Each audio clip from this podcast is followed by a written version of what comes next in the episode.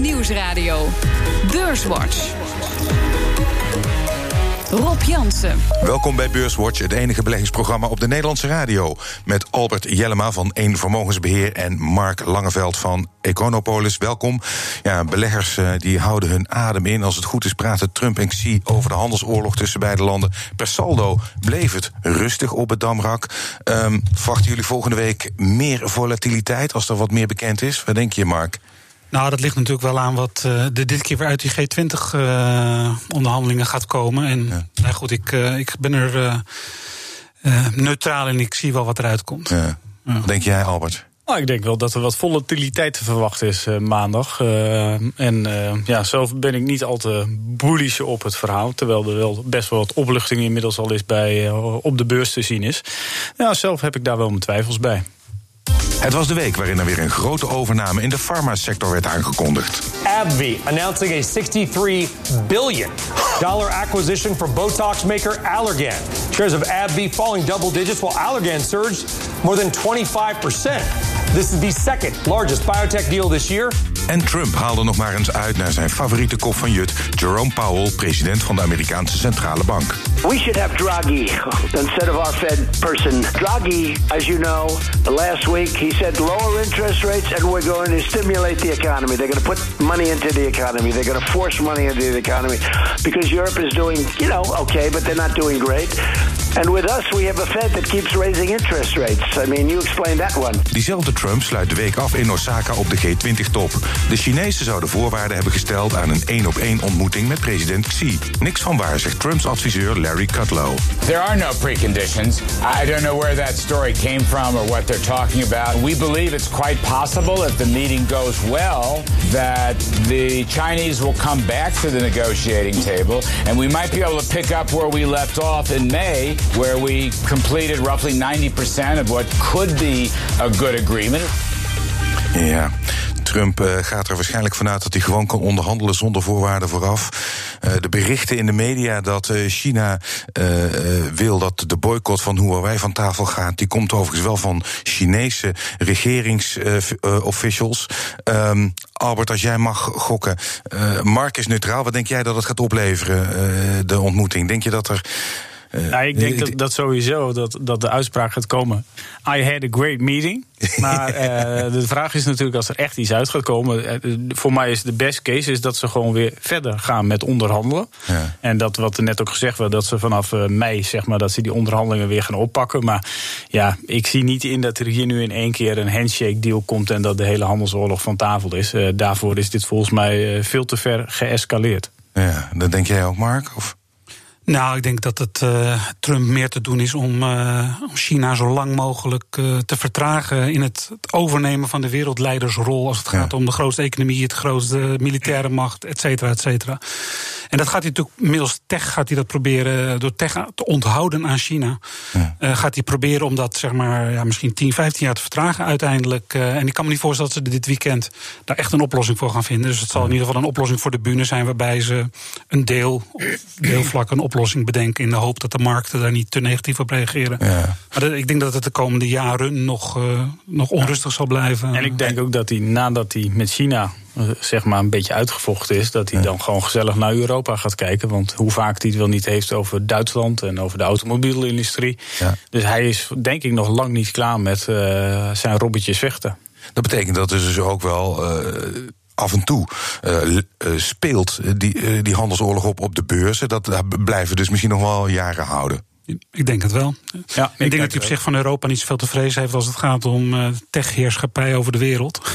maar ja. uh, nee, ik denk dat we hier de komende twee, drie jaar niet vanaf zijn. Ook al uh, krijgen we een nieuwe president in Amerika. Ja. Ach, die kans overigens niet zo groot. Maar als we die zouden krijgen, die zal toch ook voortgang moeten maken met de situatie, de handelsrelaties met, uh, met diverse landen. En het zal niet 1, 2, 3, denk ik, van de agenda af zijn dat Amerika die, die tech war opgeeft. Ja. Um, nog even kort over de, de rente ook. We hoorden Trump ook weer uithalen naar uh, Powell. Gekscherend zei hij, doe mij maar uh, Draghi. Um, Powell heeft gezegd deze week dat ja, de kans op een renteverlaging in juli, dat is helemaal niet zeker. Um, Albert, zit jij op de lijn Powell of op de lijn Trump als het gaat voor de Amerikaanse economie en de rente? Nou, volgens mij gaat het uiteindelijk niet eens heel slecht. En dat was ook een van de uitspraken die we deze week zagen. Dus ja, er zijn best wel veel mensen die hopen op 0,5% eh, renteverlaging. Ja, ik, ik, zie ook geen aanleiding omdat het al zo fors zou moeten zijn. Ik denk wel dat als het geen uh, kwartje van de rente afgaat, dat het tot een teleurstelling zal leiden. Hmm. Ik zie jou instemmend knikken. Ja, ik denk wel dat we, ik denk dat we dit jaar wel twee of drie renteverlagingen gaan krijgen in Amerika. In juli de eerste. En uh, in 2020 uh, een nieuw programma met quantitative easing. Uh, tenminste, als ik kijk naar wat er deze week allemaal goed is zeg maar, gegaan op de beurzen, waaronder goud, of edelmetalen, in eerste instantie ook de crypto's. Ja. Alles ging tegelijkertijd omhoog. En ik denk toch wel dat de suggestie is gewekt dat zowel Kuroda in Japan als Draghi in Europa als uh, Powell in Amerika in 2020 toch weer vol aan het uh, verruimen gaan uh, op kwantitatief gebied. Ja, met lage rente, dus positief voor aandelen, mag ik dat zeggen? Uiteindelijk wel. Ik denk dat in eerste instantie, als natuurlijk de economie, als de rente wordt verlaagd, dan hoeft dat nog niet per se positief voor aandelen te zijn. Want dat doe je meestal omdat het slecht gaat met de economie. Ja. En dus ook met de bedrijfswinsten. Maar als uiteindelijk het, het, zeg maar het, de geldpers wordt aangezet in, uh, aan alle kanten van de wereld. Dat, daar hebben aandelen wel weer heel veel baat bij. Uh. Ja, maar goed, als je kijkt naar de ECB, die heeft al een hele lange periode van stimulering. En in die periode heeft de beurs het niet slecht gedaan. Nou, het is weer een beetje het oude adagium, zeg maar. Slecht uh, nieuws is uh, goed nieuws voor de beurs. Hmm. Uh, want ja, de Draghi die dus weer aangeeft van... nou, ik kan nog wel meer gaan opkopen, de rente kan nog steeds lager. Ja, dat is toch weer hetgene wat we al jaren hebben gezien. Dat als blijkt dat de zaken toch wat afkoelen, de economie wat minder gaat worden... dat dan toch op dat moment weer de centrale banken ja, een stappen of een schep erbij gaan doen. Ja, um, ik ga even naar uh, onze oosterburen. Um, Duitsland, uh, daar kwam deze week een index uit voor het ondernemersvertrouwen. Was in vijf jaar niet zo slecht. Uh, het verhaal daarachter kennen we wel. Dat is onder andere die handelsoorlog en de onzekerheid die erbij hoort. En we hebben hier in Europa ook nog even onze eigen Brexit. Um, en als ik de berichten hoor, de auto-industrie in Duitsland is heel belangrijk. Deze week ook nog eens een, uh, de derde winstwaarschuwing in uh, een jaar, anderhalf jaar tijd. Um, Mark, maak jij je niet onderhand zorgen om Duitsland? Of is dat te vroeg? Met zorgen bedoel ik recessie. Nou ja, nee, ik denk ook een vertraging van de groei is misschien, het heet misschien ook al een recessie. Maar nee, ik, ik maak me wel wat zorgen over uh, zeg maar de richting van Europa. En daarom speelt ook uh, de brexit en Duitsland wel een rol in. Hmm. En waar jij denk ik op doelt, uh, we hoorden net ook al dat Deutsche Bank zoveel duizend mensen moet gaan ontslaan. Omdat daar natuurlijk de problemen in het derivatenboek veel te groot is geworden. Ja. Uh, Daimler die uh, een nieuw dieselschandaal met in ieder geval de, voor zijn GLK 220 dieselmodel waar ze er volgens mij 60.000 van moeten terugroepen. Ja. Ze zijn wel, wel wat, wat, wat scheurtjes in de Duitse economie zichtbaar bij de grote bedrijven. Ja. Maar ik denk dat het te vroeg is om te stellen dat Duitsland uh, ons de diepte in mee gaat sleuren, want daar is het land gewoon te sterk voor. Ja, uh, maar goed, uh, als ik nou even kijk naar uh, de auto-industrie, Albert Daimler, ja. dus met, met, met die, die, die winstwaarschuwing, is dat dan in ieder geval een no-go area? Nou, kijk, wat het is, de, de hele Duitse automobielindustrie, als je kijkt naar de aandelen, ja, die hebben het allemaal wel heel slecht gedaan. Uh, ze hebben de hele trend naar elektrisch rijden, daar hebben ze een enorme inhaalslag te maken.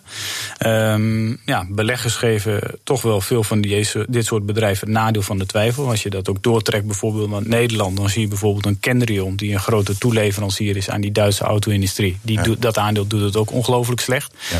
Dus de vraag is in hoeverre is het al ingeprijsd op dit moment? Uh, en in hoeverre is de Duitse automobielindustrie uiteindelijk in staat om toch een leidende rol te gaan krijgen, uiteindelijk in die elektrische auto. Alleen daarvoor hebben ze een inhaalslag te maken. Alleen ze zijn wel groot en hebben hele grote budgetten. Ja. Um, alleen dat is wel, uh, de aandelen ja, liggen nu wel echt dood op de grond. Dood op de grond. Ja, voor een, voor een koerswinstverhouding van 7 of zo uh, pik je ze nu op. En dat ja. is natuurlijk, zeg maar, vergeleken met de rest van de beurs, is het uiteindelijk spotgoedkoop. Ja. Um, alleen, het is niet helemaal zeker hoe die I in de PI of in de, de W van de KW ja. uh, zich gaat ontwikkelen. ja. uh, en ik denk dat grotendeels ook de Chinese markt, waar toch de, de, groei een beetje uit is. En een krimp van een procent of vijf te zien is voor de automarkt in China. Ja. Dat daar de BMW's en de Volkswagens en eh, de Daimlers ook het, uh, het meeste last van hebben.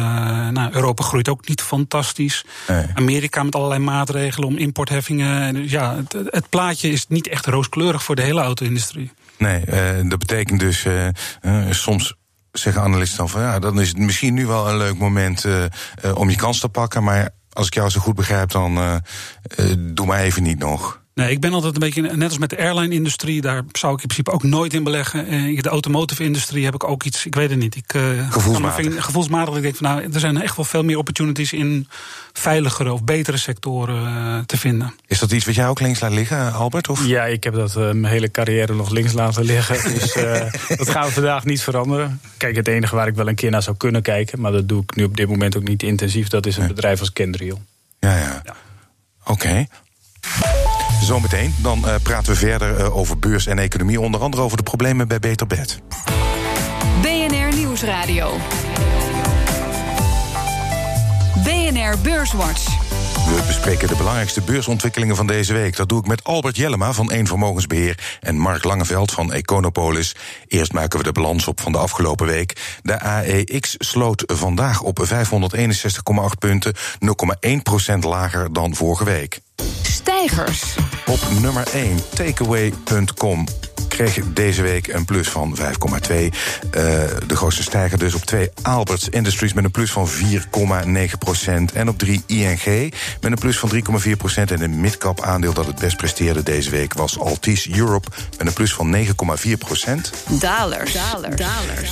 Op 1 Ahold Delhaize met een min van 5,7 Op 2 KPN met een min van 4,1% En op 3 Randstad met een min van 3,8% In de midcap was uh, de grootste daler deze week Euro Commercial Properties met een min van 4,5% En de AEX is deze week ondanks het kleine verlies toch vier van de vijf handelsdagen lager gesloten.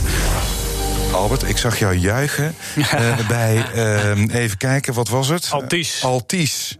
Ja, die, uh, daar, daar zit je in. Ja, daar zit ik in, ja. Dat, uh, dat, is, een, dat is een lang gevecht geweest. Maar uiteindelijk uh, gaat het nu toch wel redelijk hard en snel de goede kant op. Want ja, we stonden nog niet zo lang geleden 1,40 euro. En nu staan we 3,20 euro. Ja. Dus dat een meerdere keren bijgekocht. Dus wat dat betreft een, een mooie aanwinst in mijn portefeuille. Ja, want daar, daar was het verhaal van: kunnen ze hun schulden op tijd aflossen? Ze hebben Amerikaanse deel apart gezet. Ja. Maar dat, dat schulden aflossen, dat gaat wel lukken. Nou, laat ik zo zeggen. Vandaag was het goede nieuws dat de 5G-veilingen in Frankrijk waarschijnlijk uh, veel goedkoper gaan worden dan waar iedereen voor gevreesd heeft. Omdat uh, de Franse overheid wil wel dat het ook echt gebruikt gaat worden. Uh, en ja, dat is natuurlijk heel positief, omdat er veel minder capex dan gedaan moet worden mm. door Altis Europe. maar ik heb er altijd nog vertrouwen in dat de hoeveelheid assets die zij bezitten, dat het uiteindelijk voldoende is om die schulden beheersbaar te krijgen. Mm. Uh, slechte week was het uh, voor Ahold Delhaize met een min van 5,5 procent. En als je kijkt dit jaar, vandaag is de laatste dag van het eerste half jaar.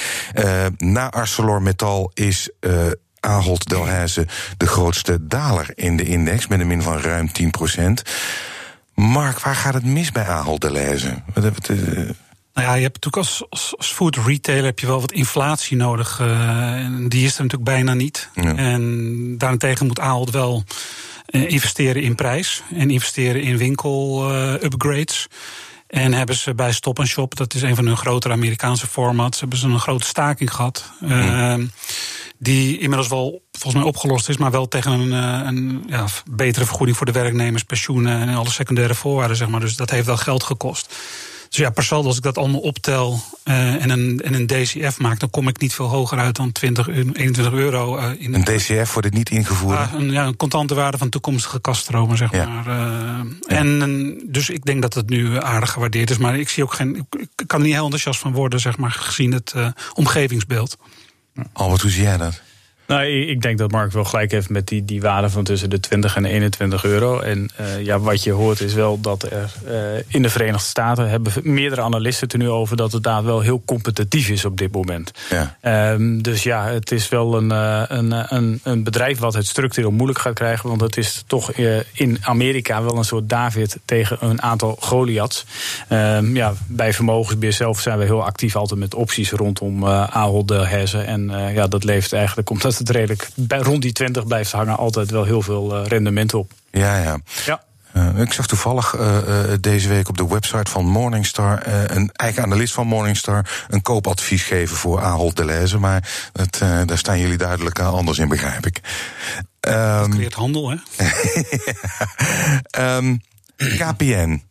Uh, opmerkelijk nieuws deze week. De topman Ibarra die kondigde volstrekt onverwacht zijn vertrek aan. Hij gaat terug naar Italië om Sky Italia te leiden. Um, Mark, een verlies voor KPN dat hij opstapt? Of maakt niet Nou, dat zo goed ken ik hem niet. Ik weet wel dat hij er pas 13 maanden zat. Ja. Dus dat is er vrij kort. En uh, volgens mij was hij wel degene die uh, Access for All als brandname wilde sluiten. Ja. En alles naar de KPN brandname wilde overhevelen. En daar is natuurlijk behoorlijk wat weerstand op gekomen. Ja. We hebben natuurlijk de, de overname speculatie gehad door uh, Brookfield en met een aantal Nederlandse pensioenfondsen die uh, het wel private zouden willen nemen. Ik denk dat dat ook ja, misschien op de kalender ooit nog zal komen dat uh, KPN toch een keer private. Maar daar zal altijd een Nederlandse oplossing voor moeten zijn. Niet agressief met medewerking ja. van lokale investeerders en dat de overheid erachter staat. Ja. Maar er zijn best wel wat uitdagingen op het gebied van 5G en die integratie met Access for All.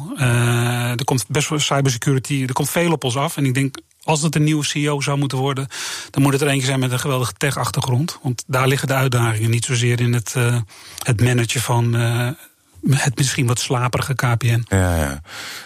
Jij, jij hoopt ook op een, uh, iemand die de zaak technisch opschudt, Albert?